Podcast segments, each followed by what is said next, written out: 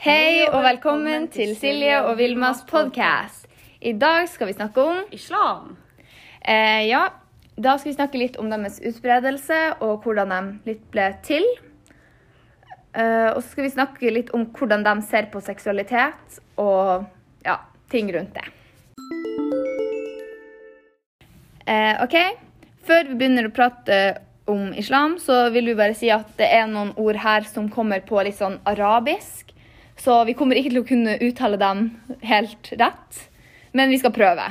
Um, og det kommer virkelig til å høres ut som om jeg leser rett av en tekst, og det er fordi at den måten jeg snakker på, gjør at det høres ut som om jeg leser rett fra, fordi at jeg snakker veldig nært bokmål.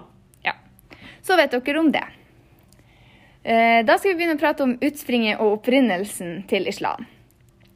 Eh, islam er den yngste av verdensreligionene og ble til på den arabiske halvøy på 600-tallet. Eh, islam er den nest største av verdensreligionene etter kristendommen og har sånn ca. 1,7 milliarder tilhengere målt i 2017. Um, etter profeten Mohammeds død i 632 oppsto det store spørsmålet om etterfølgerne hans. Um, dette førte til det muslimske fellesskapet ble splittet i flere grupper. De som samlet seg etter profetens fetter og svigersønn, Ali ibn Abi Talib, ble kalt Siyat Ali, Alis parti eller Alis tilhengere. Eh, Den andre hovedgruppa, som ikke ønska å knytte lederskapet til profetens nærmeste familie, ble kalt al, al-sunna wa al-yama, eh, som betyr tradisjonen og fellesskapets folk. Eh, Denne gruppa fremhever troskap mot profetens sunna, som er tradisjon, og hevder at profetens etterfølger, som kalte seg en kalif, skulle velges i første rekke blant eh, Qurish-stammens medlemmer, som var profeten sin stamme. Shia-muslimene syntes at det her var uaktuelt, og i løpet av 1900-tallet så kom de med en teori om at imamen som både politisk og åndelig leder. Um, nå skal vi snakke om utbredelser for grunnislam. Men etter det har vi tenkt å gå inn litt mer på sunni-islam. Men det var veldig vanskelig å finne informasjon som var riktet for den trosretningen, så det er ikke så veldig mye. Men vi skal si det vi har, da. Eh, men først så tar vi utbredelsen.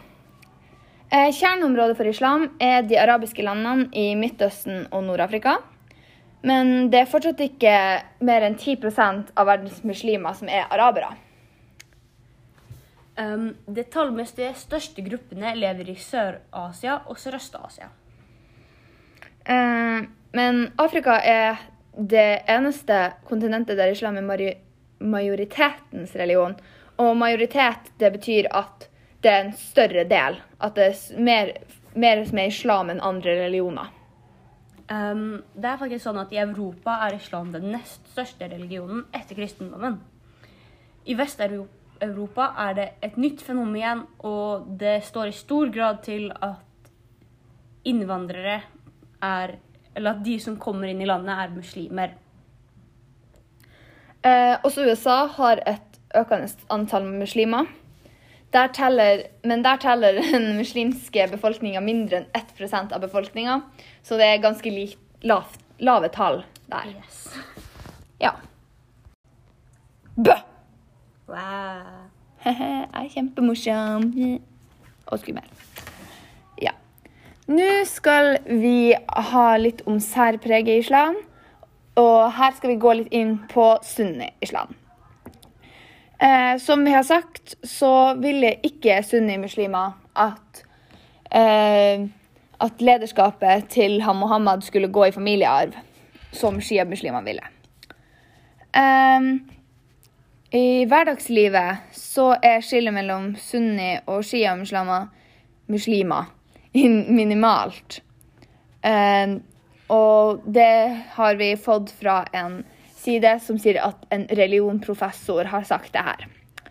Um, han har også lagt til det at det viser seg at hovedsakelig religiøst i, i ulike ritualer og noen ulike detaljer i sharia-loven, først og fremst i skilsmisse og bønn, der er det så å si de eneste ulikhetene, utenom bøndetida. Um, grovt inndelt er det ca. 85% av verdens muslimer som er sunni-muslimer. Mens mellom 10 og 15 er det siaer, og resten er eh, egne grupper innom islam. Nå skal Silje si noe om religionsutøvelse. Ei, Silje! Å ja, det er min tur. Eh, den rituelle bønnen er en daglig plikt for både shia- og sunni-muslimer.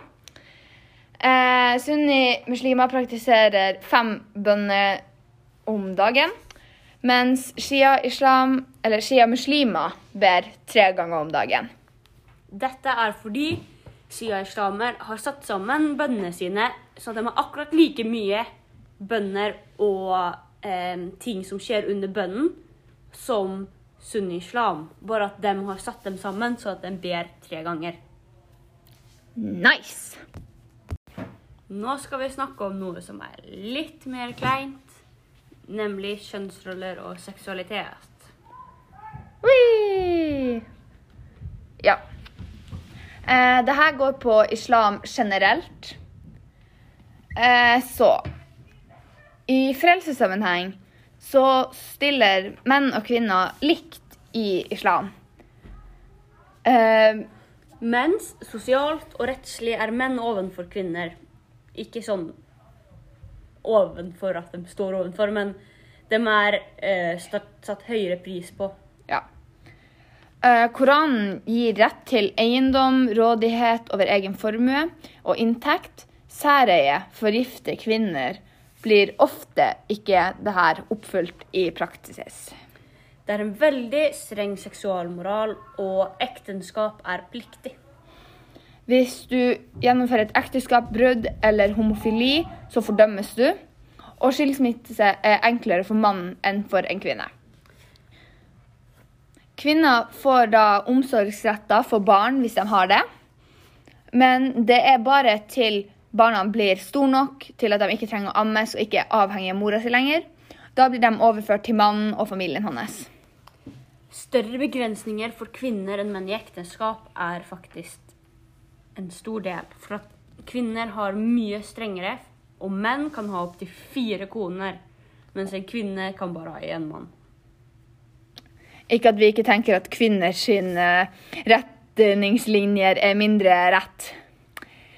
Eh, når de gifter seg, så har de påbud om slør. Eh, og Koranen gir kvinner rettigheter, men de blir ikke, ikke praktisert.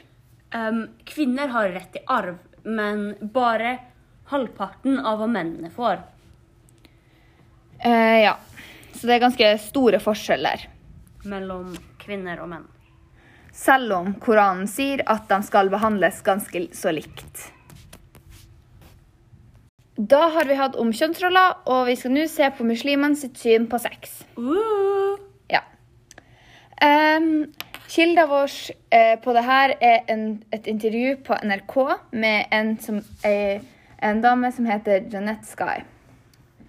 Eh, man tenker seg ofte at verden er delt i to par, mann og kvinne. Eh, at hele verden er kjønna. Derfor ser de på sex som en velsignelse fra Gud. Denne delingen av verden gir også kvinner og menn veldig forskjellige roller. Eh, menn eier som oftest de offentlige rommene, mens kvinner det private. Derfor må kvinner, kvinner dekkes til i de offentlige rommene. Eh, tanken er at kvinners seksualitet er så sterk at hvis den ikke dekkes til, så kan den true hele samfunnet og skape splittelser. Dette forteller Jeanette Sky. Ja. Det høres jo bare litt idiotisk ut. uh, uh, sex og religion uh, er jo egentlig en ganske rar kombo. Fordi at mm, de fleste livssyn og religioner har ganske mange syn på hva, når, når kan man ha sex, og hvorfor, og ja, litt sånt. Um, det er jo ikke Det er ikke akseptert at hvis man har sex før man er gift. Og da kan du bli sett på som en skuffelse eller en bedrager. Så det er ganske strengt, ærlig talt. Så det var det. Takk for at dere hørte.